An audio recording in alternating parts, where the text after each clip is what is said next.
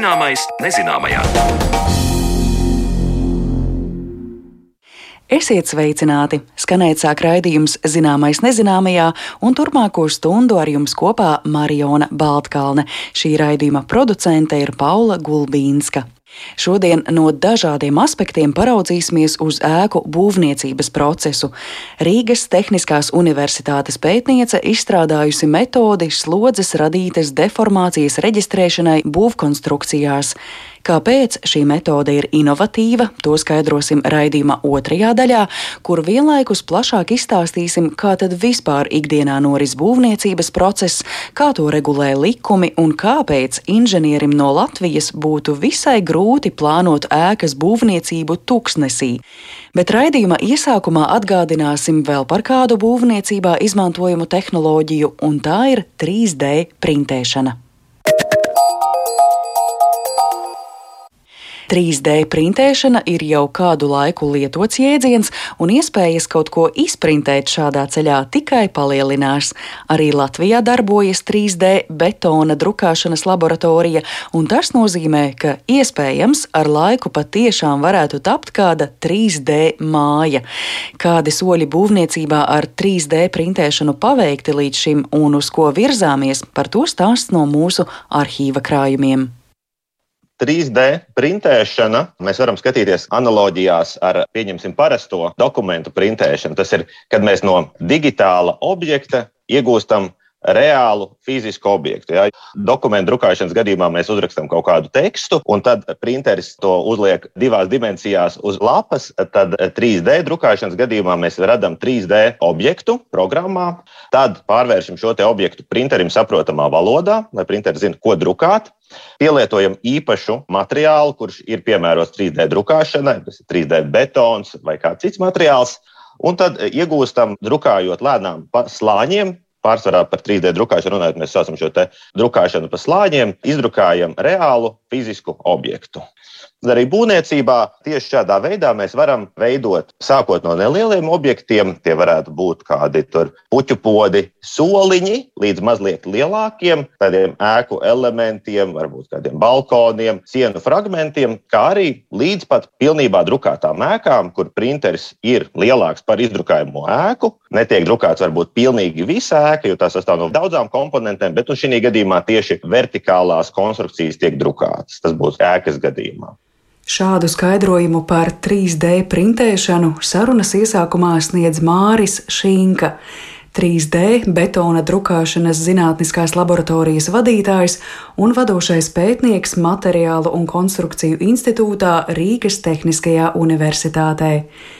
Ja runājam par 3D printēšanu būvniecībā, tad jūs nepārklausījāties, jo printeri patiešām mēdz būt lielāki par izdrukātajām ēkām. Kopumā printeru izmērs ir atkarīgs no tā, kas tiek drukāts.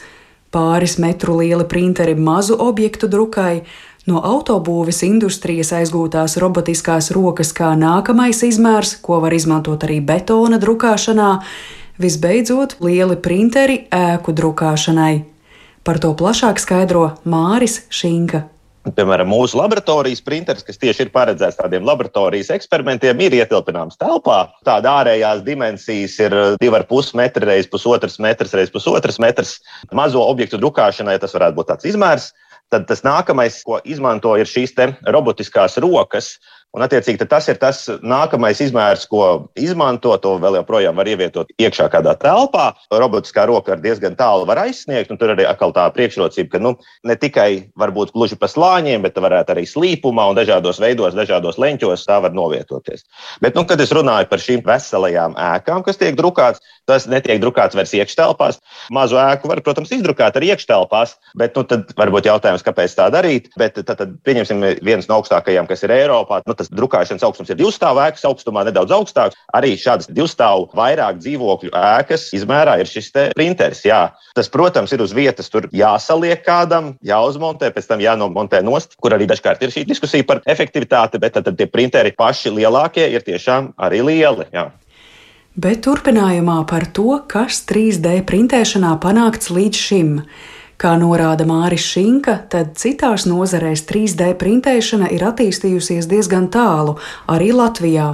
Piemēram, ar 3D printēšanas palīdzību mākslinieki arī darina rotas.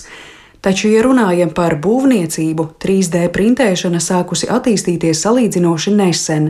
Kad jautāju par būtiskāko paveikto attiecībā uz 3D printēšanu būvniecībā, pētnieks piemin Rīgas Tehniskās Universitātes studējošo arhitektu un dizaineru konkursu, kurā studējošie radījuši dizainu vairākiem 3D drukājumiem vides objektiem Latvijas Universitātes studentu pilsētiņas teritorijai. Starp šādiem objektiem bijuši piemēram soliņi. Dažiem no objektiem arī izdrukāti fragmenti, lai novērtētu, kā tehnoloģija darbojas un kā objekti izskatītos vidē. Tālāk par citu paveikto šajā jomā ko dara citi uzņēmumi Latvijā. Tad ir vairāk, kas nodarbojas šajā nozarē. Viens tāds senākais varētu būt Konstros, kas šobrīd nodarbojas ar ģipša griestu paneļu drukāšanu, brīvas formas griestu elementi.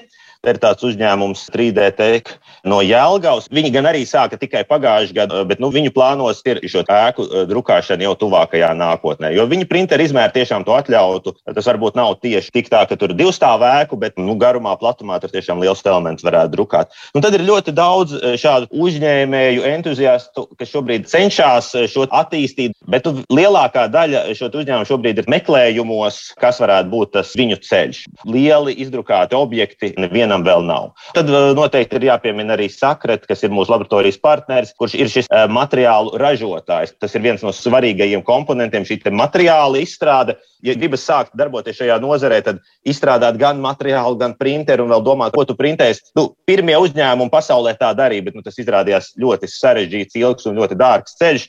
Tad šeit nu, materiāla ražotājs jau ir parūpējies par šo materiālu procesu, ir gatavs arī materiālus pilnveidot. Tā kā es teiktu, ka tas noteikti palīdzēs nozarei attīstīties straujāk.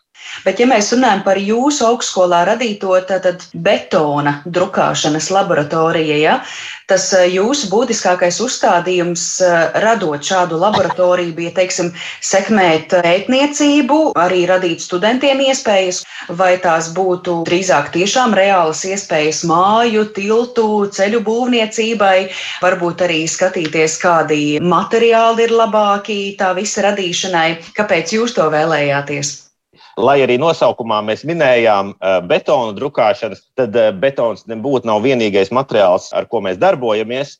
Šis ir šobrīd pasaulē tāds uh, varbūt vispopulārākais, kas tiek drukāts. Var samērā viegli iegūt augstas stiprības objektu, viegli saprotams, ko ar to darīt. Bet ir arī citi materiāli, kas, es domāju, ka nākotnē spēlēs savu lomu šajā 3D drukāšanā un būvniecībā. Tie ir materiāli, kuriem ir pazemināta ietekme uz vidi vai ļoti zema ietekme uz vidi. Nu, piemēram, pasaulē ļoti labi jau ir prototipi to, kā pieņemsim neapdedzināta māla un dažādu bioloģisku šķiedru kompozīti tiek drukāti. Tad mēs izveidojam pilnībā veidotas sienas. Mēs tur iegūstam viens stāvu ēkas, bet ēku izbūves procesā CO2 gandrīz nav radušies, jo tas māls ir nu, turpat vien izrakts no zemes. Latvijas klimatiskajos apstākļos varbūt šis nav pats piemērotākais materiāls, bet pieņemsim tāds materiāls kā kaņepju betons, kur mēs izmantojam bioloģiskos lauksaimniecības atkritumus un saistvielu, pieņemsim kāļķi vietējo. Tad mēs varam iegūt šādu kaņepju betonu, kurš būtu 3D drukājums, kas arī būtu tāda noteikti viena no nišām, jo tas palīdz šos materiālus labāk pielietot un plašāk pielietot būvniecībā. Nu, mēs jau zinām, ka nākotnē noteikti šīs CO2 emisijas un dažādas ietekmes uz vidi prasības tikai paaugstināsies attiecīgi Šie materiāli kļūs arvien populārāki. Tieši laboratorijā mums šobrīd par šo bioloģisku materiālu 3D drukāšanu notiek viens zinātniskais projekts. Protams, tā kā mūsu laboratorija ir zinātniskā laboratorija, tad mūsu mērķis ir veikt pētniecību šajā nozarē, bet tā pētniecība nav tāda pētniecība, pētniecības pēc, vai pieņemsim, mēs pētām un tad neinteresējamies, kas notiek apkārt. Mēs pētām un mēs palīdzam vienlaicīgi tai industrijai attīstīties, cenšamies būt centrs visiem, kas darbojās šajā nozarē. Varētu teikt, ka mēs esam tāds kā starpnieks arī šīm zināšanām. Un, protams, protams, tā kā mēs esam universitātē, jā, tad ir studentu iesaiste, noteikti arī viņus ieinteresēt būvniecības nozarē, ja būvniecības nozare salīdzinot salīdzinoši vēl joprojām daudz balstās uz uh, roku darba spēka, tad uh, tā ir nozare, kurai ir jākļūst vairāk industriālai, un tas noteikti šādā veidā daudz vairāk piesaista studentus, ja ka nav varbūt jāiet strādāt augstumā un Lietuvu, bet tomēr var vadīt robotu. Es tad līdz ar to īstenībā saklausu vairākas priekšrocības 3D printēšanai būvniecībā, jo pirmīt jūs minējāt uh, vides aspektu, bet te ir arī tas uh, darba drošības, darba ērtības jautājums. Ja? Ir vēl kaut kādi plusi un varbūt jūs redzat arī kaut kādus uh, riskus 3D būvniecībai? Tādi galvenie plusi ir būvniecības kā industrijas robotizācija, kas nozīmē, ka manuālā darba spēka nepieciešamība samazinās. Ja? Tad mums paliek mazāk cilvēki, bet sniedz augstāku pievienoto vērtību. Tas noteikti palīdz uzlabot darba drošību. Tad uh, otrā lieta, ko 3D drukāšana piedāvā, ir šī formas brīvība. Tad, ja mēs šobrīd skatāmies uz tradicionālo dzelzbetonu, tad mēs izmantojam veidņus. Nu, pārsvarā veidņus ir viegli uztaisīt taisnus, un mums arī pārsvarā patīk taisnas sienas. Ja mēs gribam kaut ko, kas ir ārpus taisna, tas jau ir sarežģīti. Ja mēs okay, gribam nedaudz ieliekt, to mēs vēl varam, bet ja mēs gribam visās asīs uh, nobīdīt objektu, nu, tad mēs taisām individuālus e, veidus, kas ir jāfrēzē vienā eksemplārā, pēc tam jāizmetam izkastē. Attiecīgi, 3D drukāšana piedāvā iespējamību veidot brīvas formas objektus bez veidu nepieciešamības. Mēs šādā veidā, izmantojot 3D drukāšanu, materiālu varam novietot tur, kur tas mums ir tieši nepieciešams no kaut kāda slodža aprēķina viedokļa. Jo šobrīd varbūt ne visas konstrukcijas vienmēr ir pilnīgi optimālas, jo kaut kas tiek darīts no tehnoloģiju viedokļa. Ja mēs varam uztaisīt šo kantainu, mēs to taisām kantainu, jo mēs nevaram uztaisīt to ar pildītu vidu, vai šeit nedaudz mazāk materiāla, vai šeit nedaudz vairāk. To tradicionālās būvniecības metodēm tas nav iespējams. Ar 3D drukāšanu savukārt mēs varam veidot optimālākas konstrukcijas. Ir ļoti labi demonstrējumi, kā var tieši samazināt materiālu patēriņu, veidojot optimālas konstrukcijas. Tad tas arī ir tāds iegūms, kā trešais - samazināts materiālu patēriņš caur optimālām konstrukcijām. Tāpat laikā, minot kā mīnusu, kā jau visas lietas, ja mēs lietojam to nepareizi, mēs varam arī dabūt pretēju efektu. Un, ja mēs lietojam 3D drukāšanu, veidojot objektu, kuram varbūt nav nepieciešams šāds materiāla patēriņš, bet nu, mēs gribam parādīt, ka mēs tur varam izdrukāt visu ēku no betona, bet nu, mūsu printeris tajā brīdī varbūt nespēja tur drukāt tik šauri, cik vajag, bet nu, drukāt tādu lielākas lietas, tad, protams, šeit varētu būt kaut kāds materiāla pārāk liels patēriņš. Tā ir viena no lietām, kas ir jāskatās. Un otra, kuras jau minēju, šis vidas aspekts, 3D drukātais betons, lai arī mūsu tā iespēja ir viņu izmantot mazāk, ja mēs izmantojam optimāli, tad tajā sastāvā cementa daudzums, kas ir 3D drukāta betona sastāvā, ir salīdzinoši ļoti liels, pat lielāks nekā tradicionāli dzelzbetona gadījumā. Cements, jā, tas ir tomēr viens no visvairāk CO2 radošajiem materiāliem pasaulē. Jā, tur diezgan liels emisijas ar to ir saistīts. Bet nu, šo risku jau apzinās šobrīd, un tāpēc pie tā jau strādā. Nu, tad man jums tikai noslēgumā jājautā, kad mums būs tāda 3D māja vai tilts, ja jūs tā eh, reāli prognozētu, kā izskatās. Tilts, es laikam uz tiltu mazāk. Nu jā, varētu būt kāda māja. Es pirms gada es teicu, ka trīs gadu attālumā. Es būšu drosmīgs un pieturēšos pie tā. Palikuši ir divi gadi. Vēl nav jau konkrēts pasūtītājs un konkrēta vieta vēl mājai nav izvēlēta. Bet, ja kāds šobrīd vēlētos, tad īstenībā tas būtu iespējams realizēt. Vienkārši tas ir jāskatās, cik daudz un ko mēs drukājam. Tie būtu atsevišķi, visticamāk, šobrīd tādi sienas elementi, kas savienotos kopā. Nesošā konstrukcija varbūt izpildītu šo funkciju kāds cits elements, bet 3D drukāta ēka. Es domāju, ka tas ir pilnīgi reāli. No iespēju viedokļa noteikti. Attiecībā uz izmaksām arī te viss būtu atkarīgs no tā, ko drukājam. Cenas ziņā šobrīd topat lētāki objekti salīdzinājumā ar tradicionālajām būvniecības metodēm. Bet vismaz tuvākā nākotnē vēl netiek plānots, ka 3D printeri drukās tieši tādas pašas ēkas, kādas šobrīd mūrē cilvēki, jo vēl jau saglabājas iepriekšējās tehnoloģijas, un tāpat arī cilvēki, kuri tās labi pieprot.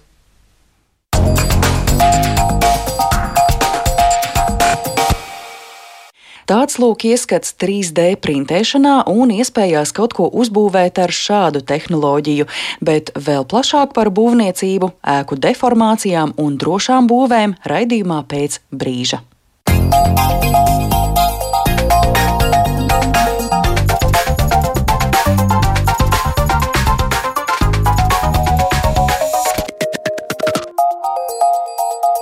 Zināmais nezināmajā. Kas nosaka to, ka milzu debesskrāpis spēs noturēt savu svaru, bet simtgadīga būdiņa sabruks zem sava svara? Kā būvkonstruktori aprēķina ēku slodzes un kā dažādas tehnoloģijas ļauj monitorēt ēku drošību? Tad no šodien izgaismosim šos un vēl dažādus citus jautājumus saistībā ar ēku drošību, un zināmais nezināmajā studijā esam aicinājuši trīs sarunu biedrus. Un šodien tie ir Rīgas Tehniskās Universitātes būvniecības Būvniecības inženierzinātņu fakultātes asociētā profesore un vadošā pētniece Andīna Sprince. Labdien! Labdien! Rīgas Tehniskās Universitātes Būvniecības inženierzinātņu fakultātes būvmehānikas katedras vadītāja, asociētā profesore un vadošā pētniece Līga Gaile. Labdien! Labdien! Un arī šīs pašas fakultātes būvražošanas katedras docente un vienlaikus certificēts būveksperts un būvuzraugs Sanita Rubene. Labdien! Labdien! Labdien!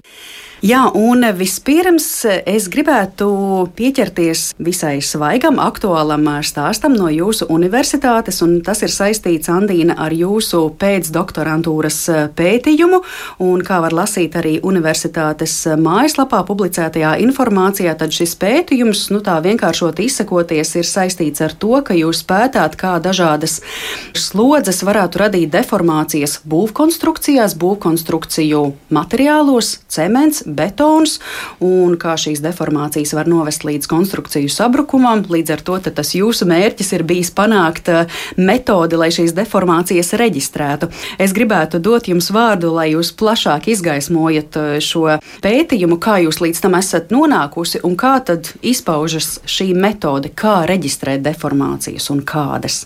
Pirms es pieskaros šeit jaunradītajai metodei par slodzes radīto ilgstošo deformāciju noteikšanu, man ir jāatgriežas atpakaļ doktorantūras laikā, kad piedzima šī ideja par šo jauno pētījumu.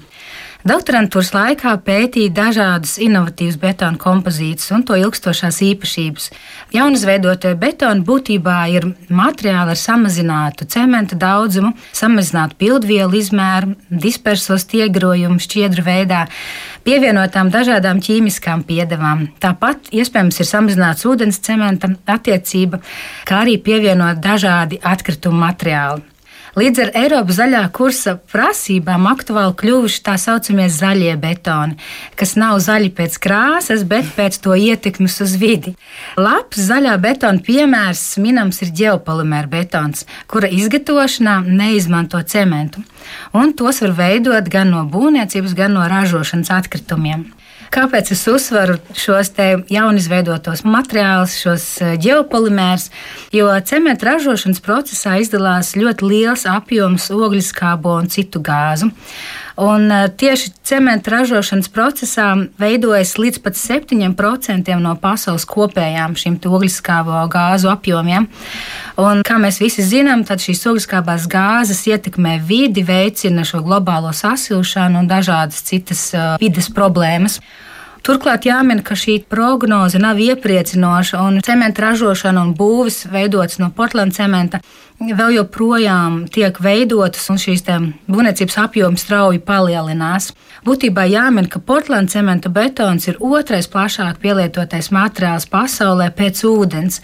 Tātad šī problēma ir ārkārtīgi liela, globāla, un iespējams šis ir viens no tiem iemesliem, kāpēc pētnieki un tehnologi strādā pie jaunajiem materiāliem, kur šo cementu daudzumu samazina vai izslēdz vispār. Doktorantūras laikā man jāsaka tā, ka es pati veidoju un pētīju šos jaunos materiālus, kuros šis cementa daudzums vai nu ir samazināts vai aizstāts. Tad, veicot šo izpēti, es konstatēju, ka šie materiāli kopumā ir ar fizikāli, mehāniski uzlabotām īpašībām. To apliecina arī citi pētnieki savos pētījumos. Bet ir viena tāda problēma, kad nav pētīts šo materiālu ilglaicīgās īpašības, tātad šļūda un rukums. Un doktorantūras laikā tika veidota metodoloģija tieši atbilstoši šiem jaunajiem materiāliem, lai varētu noteikt šīs ilgstošās deformācijas. Un metodoloģijas izstrādes laikā tika konstatēts, ka šļūdas deformācijas stiepu sliegojumā ir problemātiski nomērīt, jo tās ir daudzkārt mazākas nekā spiedas slogojumā, un ir problemātiski tās reģistrēt. Un ir jāveido jauna metode, ir jāmeklē jauna pieeja, kā tās mikrodeformācijas mēs varētu reģistrēt. Sakiet, kas īsti ir šļūdas deformācija? Par spiedi man būtu saprotams, ka ir spiediens uz kādu virsmu, bet šļūde, kas tas ir? Tās ir deformācijas, kas veidojas ilgstošā laika periodā zem slogojuma, zem patstāvīga konstanta slogojuma. Šo šļūdas deformāciju ietekmē rodas citas nevēlamas sekas, kā piemēram konstrukcijas pārmērīgi izliecās, izkļaujās, kļūst nestabilas, papildus tam veidojās šīs plaisas plaisas palielinās, atverās, un tātad būtībā viņas strauji samazina konstrukciju nestspēju. Un arī plaisas papildus ir tāds ierosinātājs korozijai. Arī korozija tādā veidā straujāk var izplatīties šajā materiālā. Šļūdas deformācija ietekmē daudz dažādu faktoru. Paša materiāla spiedas vai stiepas izturība, tātad pat šī stiprība, elastības modulis, jā, tātad pildvielu izmērs, dažādas šīs piedevas, mitrums, temperatūra, geometrija. Tad ir ārkārtīgi daudz dažādu faktoru, kas to ietekmē. Un uh, vēl būtiski minēt to, ka uh, cementa kompozīti, betona kompozīti ir uh, materiāli ar laikā mainīgām īpašībām. Tie savu stiprību, savas īpašības būtībā mums varētu teikt sasniedz 28 dienu laikā. Un tad es saprotu, ka jūs konstatējat šo problemātiku attiecībā uz materiāliem Un tas noveda līdz tam, ka ir nepieciešama cita metode, kā efektīvi, saulaicīgi reģistrēt, ka šīs deformācijas ēkās notiek. Jā, tā tad ir vajadzīga metode, lai noteiktu šīs deformācijas, jo esošie standarti esošās projektēšanas normas ir paredzētas klasiskiem betona kompozītiem, kuros nav pievienoti šie atkrituma produkti vai arī kaut kādas citas piedevas. Ja, tad būtībā mēs nezinām, kā darbojas šie jaunie materiāli, un mums viņi ir jāpārbauda ar laboratoriskiem pētījumiem. Un tātad deformācijas bija apgrūtinoši noteikti ar esošo aprīkojumu. Līdz ar to tika pieņemts lēmums pētīt uz priekšu un meklēt šo jauno risinājumu. Šis jaunais risinājums bija pielietot digitālo attēlu uzmērīšanas metodi, kas šāda veida pētījumiem līdz šim netika pielietota. Tātad, lai noteiktu šļūdas deformācijas šāda veida materiāliem, dažādās konstrukcijās, tātad dažādos slogojumos. Un tad jautājums, jūs ar šo metodi esat nākusi klajā, protams, tā noteikti vēl attīstās, kā tas būtu izmantojams ārpus laboratorijas. Tiešām jāpiekrīt, ka šī metode vēl joprojām ir tādā procesā un progresā, un šobrīd tā ir aprobēta vairāk tādos laboratoriskos apstākļos. Kā jau minēju, daudz dažādu faktoru, kas ietekmē šīs deformācijas, tā skaitā mitrums un temperatūra. Līdz ar to laboratorijā mums varbūt ir vieglāk nodrošināt tādus apstākļus, kas ārpusē būtu problemātiski. Līdz ar to būtu problemātiskāk noteikti korektas deformācijas. Tā kā domāju, tā metode varētu būt dzīvotspējīga, bet viņa vēl joprojām ir jāpārbauda. Jā. Bet, nu jā, jūs esat veikusi pirmo soli ceļā, un tas jau ir daudz.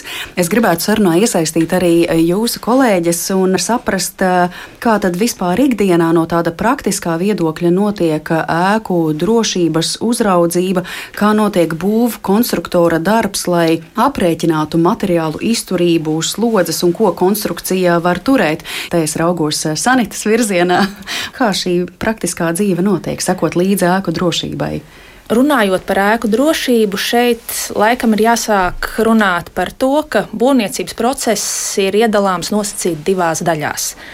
Ir projektēšanas daļa un ir būvdarbu izpildes stadija. Un, attiecīgi, katrā no šīm stadijām, protams, ir savi kontrolas mehānismi, ir savi inženieri, kas pirmkārt jau veic projektēšanas darbus, par ko es domāju, Līga varēs daudz precīzāk pastāstīt. Bet tad, kad projekts ir izstrādāts, tad trešās grupas publiskām būvēm obligāti ir arī būvprojekta būvkonstrukciju daļas ekspertīze. Tas nozīmē šis četru acu princips, ka certificētā būvkonstruktora darbu pārbauda vēl arī certificēts eksperts, lai pārliecinātos, ka kaut kas nav piemirsts, pārprasts vai nav kādas cilvēciskas kļūdas vienkārši ieviesušās šajā darbā. Un tālāk, jau nonākot būvdarbu stadijā, šeit ir jau nosacīts sešu acu princips, lai mēs iegūtu drošu būvi. Jo pirmkārt jau par būvis atbilstību būvprojektam un visiem normatīviem un standartiem ir atbildīgs galvenais būvdarba veicējs un atbildīgais būvdarba vadītājs. Bet tā kā mēs saprotam, ka būvniecības process ir visnotaļ komplicēts un komplekss ar ļoti daudz iesaistītajiem cilvēkiem, pusēm, institūcijām, un, protams, ir iespējams cilvēciskas kļūdas, tad bez e, šī atbildīgā būvdarba vadītāja vēl eksistē arī autoru uzraudzības un būvuzraudzības institūts. Attiecīgi, autoru uzraugs tas ir būvprojekta izstrādātājs, kurš e, būvniecības stadijā jau kontrolē veikto būvdarbu atbilstību būvprojektam, un savukārt būvuzraugs ir būvspeciālists, kurš pārstāv būvniecības ierosinātāju, jeb pasūtītāju, kurš būvē šo būvi. Un jau viņa uzdevumā, kā neatkarīgs speciālists, arī pārbauda un kontrolē, lai būvniecības darbi notiktu atbilstoši būvprojektam, atbilstoši pareizai būvdarbu izpildes tehnoloģijai un normatīvo aktu prasībām. Jo šeit ļoti svarīgi svarīgs punkts ir tieši atbilstība tehnoloģijai, pareizai būvdarba izpildes tehnoloģijai, kas nosacīti var sastādīt līdz pat 80% no kvalitatīvas būves visai sarežģīts process. Tas tādam nezinātājam, kā man no malas izklausās, kur katra iesaistītā puse ir ārkārtīgi svarīga. Protams, šis ir komandas darbs. Būvniecība nekad nav bijusi viena cilvēka darbības process. Tas ir process, kurā sadarbojas vismaz četras, ja ne vairāk iesaistītās puses. Un tikai no šo visu pušu veiksmīgas sadarbības ir iespējams iegūt kvalitatīvu un ilgspējīgu gala rezultātu. Un, ja mēs runājam par cilvēkiem, kam būvniecības process ir jaunums, tad īstenībā likumdošana mums pietiekoši precīzi reglamentē šo procesu kā tādu, jo ir mums būvniecības likums, kurš nosaka savā 9. pantā būtiskās būvē izvirzāmās prasības, kas ir septiņas. Tas ir mehāniskā stiprība un stabilitāte, ugunsdrošība, ilgspējīga resursu izmantošana, energoefektivitāte un tālāk ir jau šim būvniecības likumam pakārtotie ministru kabineta noteikumi. Pirmkārt jau tie ir vispārīgie būvnoteikumi, kas pastāsta, kā notiek būvniecības process.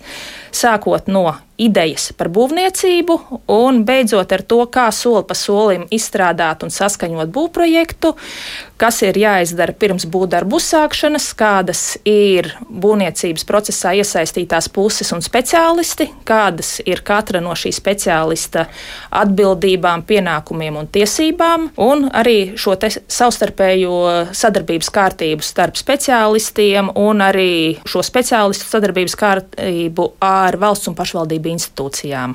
Tādēļ Amerika no jauna nav jāatklāj. Viss jau ir izdomāts, vienkārši ir jāzina pareizo vietu, kur meklēt šo informāciju. Jā. Līga Sanita jau vērs uzmanību arī jūsu virzienā, kā uz inženieri. Tad nu atklājiet, kas ir inženiera trumpis vai kas ir tā inženiera lielākā atbildība visā šajā procesā. Jā, jūsu loma. Es nāku no projektētāju cilts.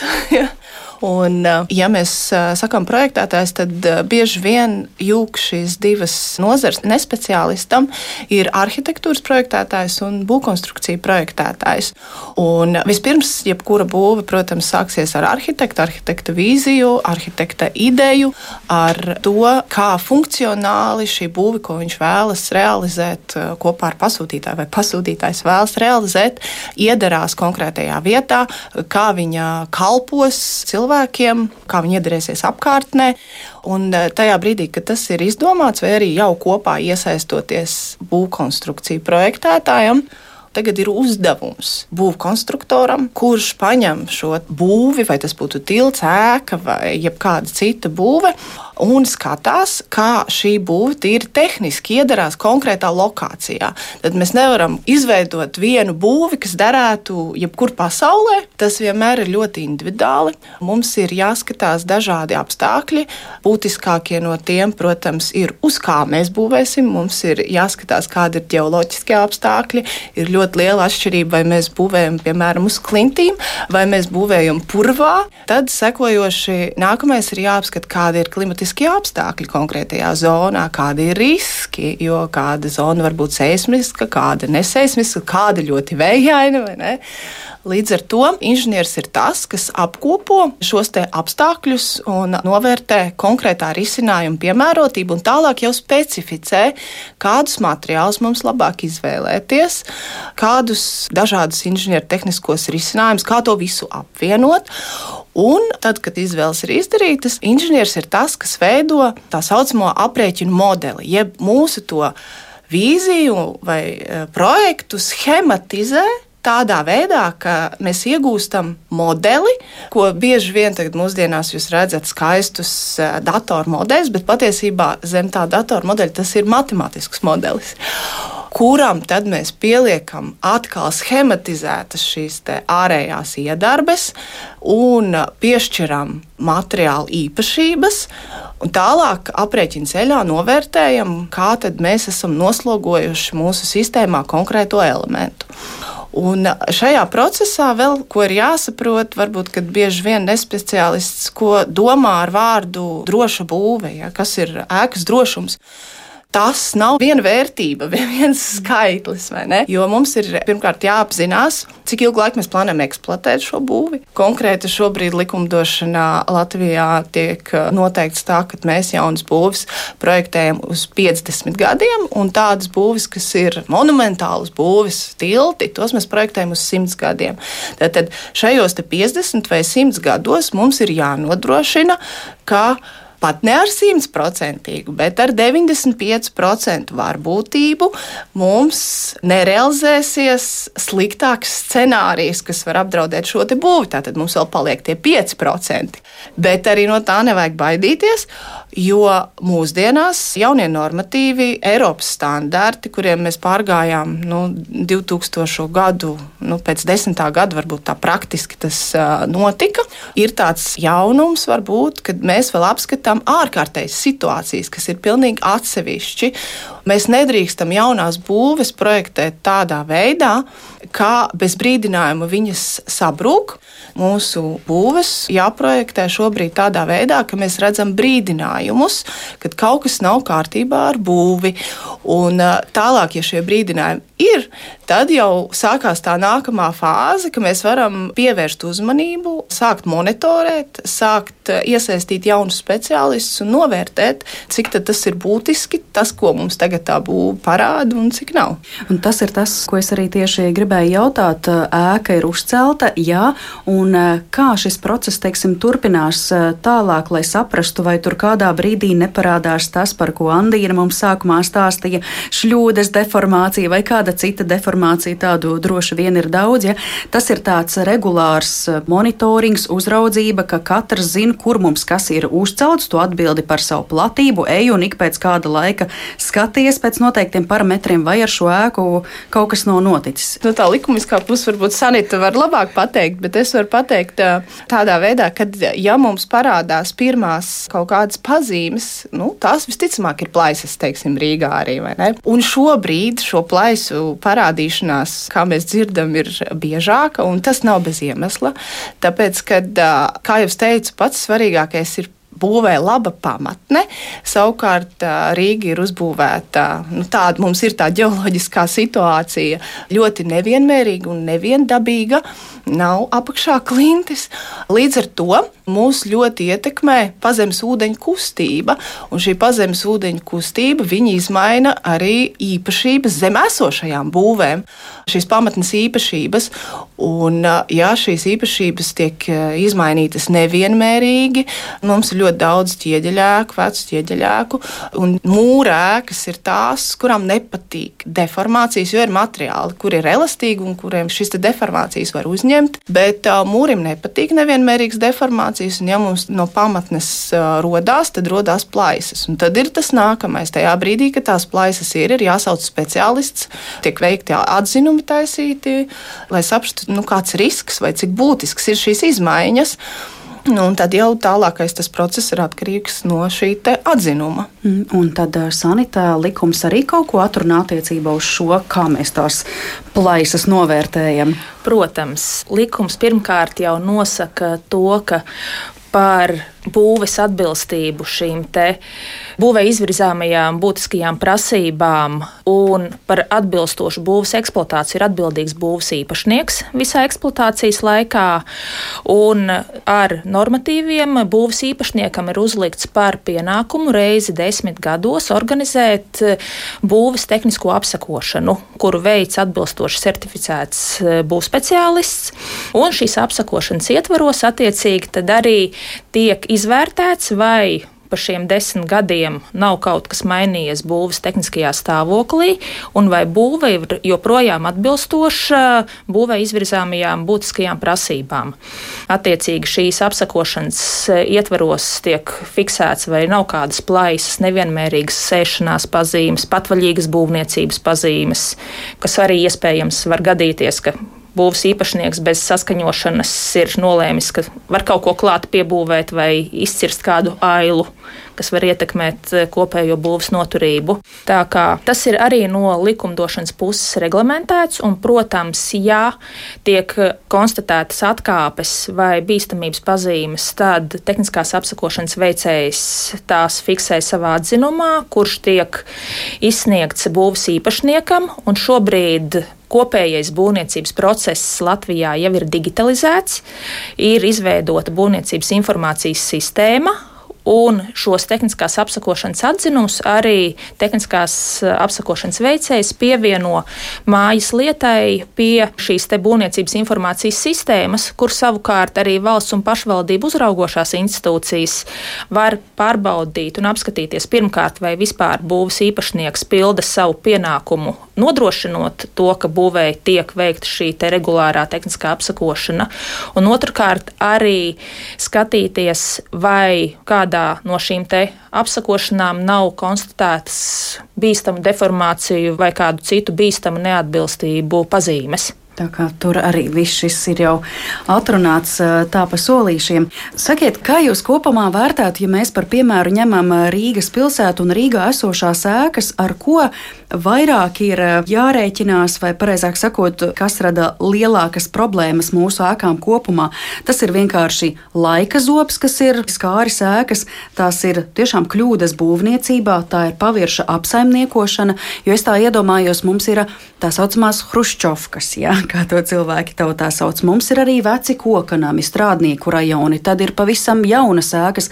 Es domāju, tik atšķirīgi ir kaut kāds vidējais aritmētiskais, kas ir tā galvenā mums problēma. Es domāju, ka galvenā problēma kopumā ir nepietiekoši veikta apsaimniekošana jo ļoti daudzas no tām problēmām, kuras galu galā izvēršas par lielām, grandiozām un dārgi risināmām, sākuma stadijā bija iespējams novērst ar ļoti mazu finansiālo un darba resursu ieguldījumu, ja vien tas tiktu darīts sākumā, nevis šī problēma tiktu ielaista. Jo būve, tas nosacīti ir organisms. Un tas ir tieši tāpatās kā organisms, ja cilvēks saslimst sākuma stadijā, izārstēties ir vieglāk nekā tad, kad slimība jau tiek ļoti ielaista. Un tas izskaidro arī tās nesenās problēmas, kas mums ir bijušas eh, Rīgā dažādos gados. Piemēram, šobrīd atkal tika runāts par plaisām Rīgas centra mājokļos. Nu, mēs zinām šo traģisko gadījumu Zolitūdē pirms desmit gadiem ar Maksimu. Tad tas vienojošais kopsaucējs ir tāda neprasmīga saimniekošana, uzraudzīšana? Nē, es neteiktu, ka šie minētie piemēri būtu saistīti ar neprasmīgu apsaimniekošanu vai uzraudzīšanu jo, ja mēs runājam par plaisām, tad es domāju, ka ažiotāža ap šo gadījumu bija lielāka nekā faktiskā problēma. Mēs runājam par Valdemāru. Jā, ne? jo, protams, plaisas nevar noliegt šai būvē bija, bet tās nebija plaisas, kas radās vienā acu mirklī. Tās bija ļoti ilgā laika nogriezienī radušās plaisas, ko pierādīja arī šie ielu ekrānu uzņēmumi, ka jau šīs plaisas bija 11 gadus atpakaļ. Un arī, ja būvē radās plaisa, nav uzreiz jāuzskata, ka tas ir avārijas vai pirmsavārijas stāvoklis. Tieši tāpēc eksistē šie plaisu monitoringa pasākumi, metodes, kad ilgtermiņā plaisas ir jānovērtē. Vai to attīstības dinamika ir pozitīva, negatīva, cikliska, jo ļoti daudzām būvēm tieši viena gada, gada laiku maiņas šķērsgriezuma ietvaros e, šī plaisu attīstības dinamika ir cikliska. Viņas būvēja uzsilstot palielinās, būvēja atdziestot saraujās un kļūst mazākas, un tādēļ ir jāsaprot, vai tas ir vienkārši nosacīts, pieņemams e, būvs eksploatācijas blakus efekts, vai arī tomēr tās ir progresējošas plaisas, kas liecina jau par zināma līmeņa bīstamību un kur ir nepieciešams iejaukties ar kādiem pastiprināšanas pasākumiem. Jā, bet uh, varbūt es varu vēl klāt uh, pielikt. Nu, bieži vien, ja mēs ceļam būvi un domājam par būvi, mēs domājam konkrēti par to būvi, ko mēs veidojam.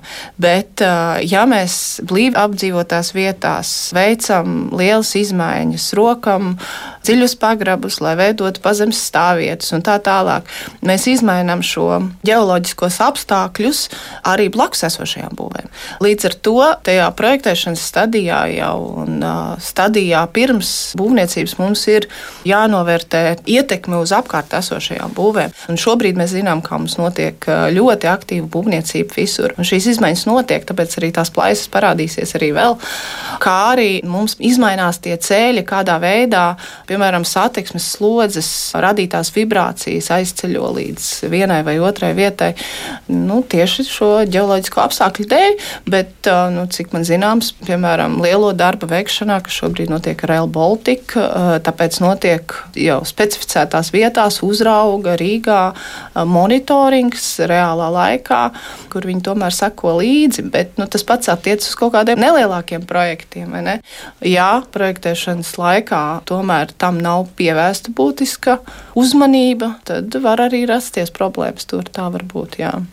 Un savukārt, kas attiecas uz uh, citiem gadījumiem, kas ir pilnīgi kaut kas cits, tad kļūdas projektēšanas laikā, kļūdas projektā. Tad varbūt es te varu padalīties, varbūt ir vērtīgi ar savu pieredzi, jo es esmu strādājis kā projektērs ne tikai Latvijā, bet arī Anglijā vairākus gadus tieši praktiski, un ko es redzu, kas mums iztrūkst varbūt ir kvalitātes kontrole ne tik vien tajā līmenī, par ko Sanita runā, bet uh, iekšējā kvalitātes kontrole jau projektēšanas kompānijā.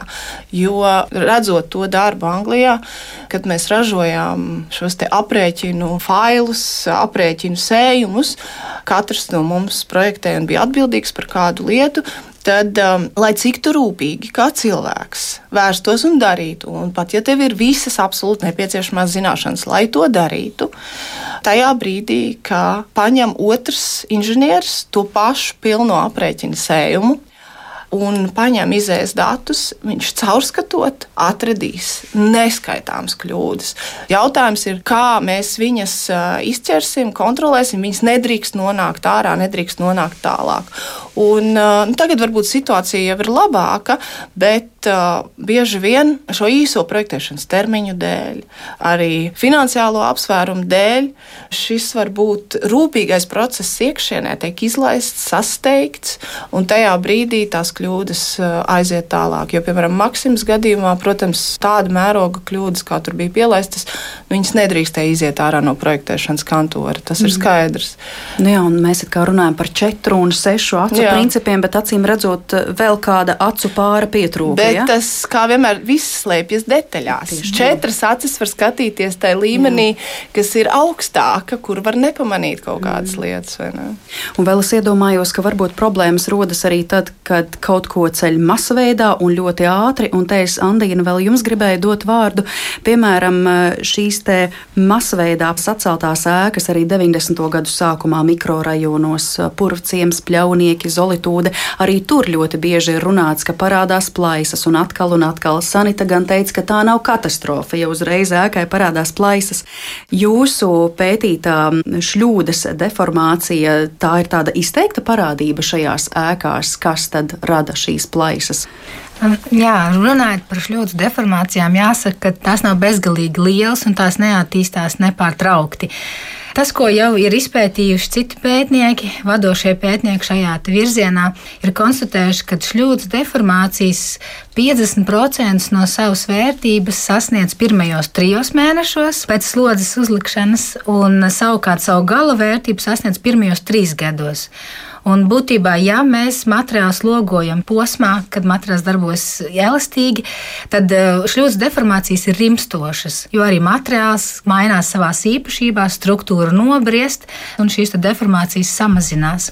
Līdz ar to es nevaru teikt, ka šļūdas deformācijas ir problēma jau tik senām būvēm. Drīzāk eh, šļūda ir aktuāla jaunbūvēs, Tur, kur materiāls vēl ir jauns, nenobriedis, īpaši aktuāli tas parādās būvēs, kur konstrukcijas ir agrā vecumā, tad nav sasniegušas šīs 28 dienas un jau tiek pakļauts kaut kādai slodzes ietekmei. Vēl es domāju, ka tāds risks pastāv būvēs, kurās tiek mainīta funkcija, tātad tiek mainīts šis pielietojums, palielinās slodzi un tad netiek šīs konstrukcijas pārbaudītas, netiek pārbaudīta šī materiāla īpašības, stiprība un citas īpašības. Līdz ar to šajā posmā šļūdas deformācijas gan vairs nav rimstošas, bet ir pieaugušas. Un šīs deformācijas tātad pieaug, pieaug izliecas, pieaug dažādas citas problēmas, kā izkļaušanās, tās pašas minētās plaisas. Jā, tad domāju, ir tās divas riska grupas, šīs jaunbūves un rekonstruējamās būves. Tad īstenībā jūsu pienesums ir tieši ļoti vērtīgs tiem, kuri šobrīd domā par uh, būvniecību. Jā, un, un arī tas mans pieminētais jauno materiālu pielietojums jautājums, kas, es domāju, būs arvien aktuālāks, jo Eiropas aprits ekonomika mūs eh, piespiedīs domāt citādāk, mainīt mūsu domas un visus atkritumu produktus tomēr sākt uzskatīt vairāk jau kā jaunu izēvielu. Un, uh, mums būs jāmaina šie esošie materiāli, būs jāsāk pievienot dažādas netradicionālas piedevas. Es jums vēl sarunas noslēgumā gribēju jautāt uh, par kādu citu aspektu, mazliet paceļojot ārpus Latvijas. Faktiski jūs jau līga mazliet to iezīmējāt, runājot par inženiera darbu, kas ir inženierim jādara, lai būvi uzceltu, cik svarīga ir šī vides izpēte. Vai tas sasaucas ar to, ka mēs citās pasaules vietās redzam ēkas, nu tādās vietās, kur liekas, kā tas šeit vispār ir iespējams, vai tur arī tad vienkārši mēs varam teikt, nu cepuri nost inženierim, jo viņš labi izdarīja to darbiņu, un tāpēc, piemēram, apvienotajos Arābu Emirātos, Dubajā ir viss, viss, viss lielākais, augstākais, un rīt būs vēl augstāks un varenāks, un tu vienkārši domā, kā tuksnesī kaut kas tāds var būt, tad es iedomājos šo fenomenālo San Francisco tiltu, kā kaut kas tāds var būt. Un tajā pašā laikā mēs atceramies atkal traģiskos notikumus eh, šī gada februārī Turcijā, ja, kur runā, ka tik daudz cilvēku aizgāja bojā tāpēc, ka bija nekvalitatīvas ēkas uzceltas. Tā tad eh, tā ir. Šeit atslēgas vārds ir inženieris. Atslēgas vārds noteikti ir inženieris, un kopumā process ir līdzīgs. Mums ir jānovērtē esošā vieta, esošie izaicinājumi, tikai tie izaicinājumi varbūt citā mērogā. Ja? Un parādās jaunas problēmas, kuras varbūt arī ir mazāk izmēra ēkās vai būvēs, bet viņas neizpaužās, un mēs viņus varam ignorēt. Ja? Par to pašu kalifā būvi. Burčhalīfa. Jā, jā, jā, jā, jā. -hmm. Viņi ir 800 ar kaut ko metru augsta. Starp citu, es esmu lasījusi, ka nu, stipri augstāk mēs vispār nevaram iet. Nu, varbūt tur teorētiski saka, varbūt divreiz vēl, bet nu, tas arī kaut kāds teorētiskais limits, jo kaut kādā brīdī mēs sasniedzam robežu, kad vienkārši no pašsvara tie materiāli apakšā nespēja izturēt. Bet te varbūt tas piemērs tāds, um, kā atšķirās šis process. Es projektēju privātu māju vai kādu oficiālu ēku nelielu, un es nedomāju, piemēram, par tādu problemātiku, ka mums elementi garām virzienā saīsinās slodzes ietekmē. Jo tā mazām ēkām tā slodze nu, salīdzinoši ir neliela, un šī deformācija slodzes ietekmē ir uh, tik maza maza, ka mēs absolūti to ignorējam. Savukārt, ja mēs būvējam tādu mērogu būves, tad aprēķinot to deformāciju, viņa ir tik būtiska, ka ja mēs nesalāgojam, kā vienā pusē deformējās šī ēka ar otru pusi, tad ko mēs iegūstam? Mēs iegūstam, ka viņi noliecās, ja, un var būt ļoti sliktas sekas tam. Līdz ar to ir papildus efekts, kuru ikdienā inženieris Latvijā sēžot pie galda, par viņu vispār nedomā tādu efektu. Un tas savukārt nonāk uz to, ka jābūt pieredzēji konkrētos apstākļos. Tad jābūt inženieru kvalifikācijai, kas vismaz ir tuksnesī. Kas ir vismaz stāvējis klāt. Ja mēs tagad aizsūtīsim mūsu inženierus, kas ar, piemēram, šeit Latvijā ar seismisku nesaskarās, ja, projektēt tai pašā Turcijā, sākotnēji būtu ļoti liela izaicinājuma, jo vesela nozare Mēs neesam ar viņu pazīstami šo nozari vienkārši un šo specifiku. Protams, viss ir izglītības un pieredzes jautājums. Jā, inženieris ir atslēgas vārds, arī komanda ir atslēgas vārds, par ko stāstīja Sanita, un skrupulozs darbs, par ko stāstīja Andīna. Un, ja mēs atgriežamies pie vārda inženieris, tad, protams, arī būšana pareizajā vietā un laikā, jo acīm redzot, katrā vietā tu nevarēsi izmantot arī tās plašās zināšanas, kas tev ir. Saku jums jums visām trim lielu paldies par eh, šīs dienas sarunu un ka pavērāt tādu priekškaru uz eh, būvniecības eh, pasauli, kur tiešām katram cilvēkam un katram zobratiņam, mehānismam ir ārkārtīgi liela nozīme. Atgādināšu, ka mūsu raidījumā šodien viesojās Rīgas Tehniskās Universitātes Būvniecības inženierzinātņu fakultātes asociētā profesore, vadošā pētniece Andīna Sprīnce, tāpat arī Rīgas Tehniskās Universitātes Būvniecības inženierzinātņu fakultātes būvmehānikas katedras vadītāja, asociētā profesore un vadošā pētniece Līga Gaile, un šīs pašas fakultātes būvražošanas katedras docente, certificēts būveksperts un būvuzraugs Sanita Rubene. Paldies jums visām par sarunu un Paldies. veiksmi jūsu tālākajā darbā. Paldies. Un ar to arī šīs dienas raidījums izskan. Par to parūpējās producente Paula Gulbīnska, par mūziku gādāja Girts Bišs, par skaņu rūpējās Elizabete Šaicānova un pie mikrofona bija Mariona Paltkalne. Patīkamu dienu vēlot, mēs no jums atvadāmies un visu labu!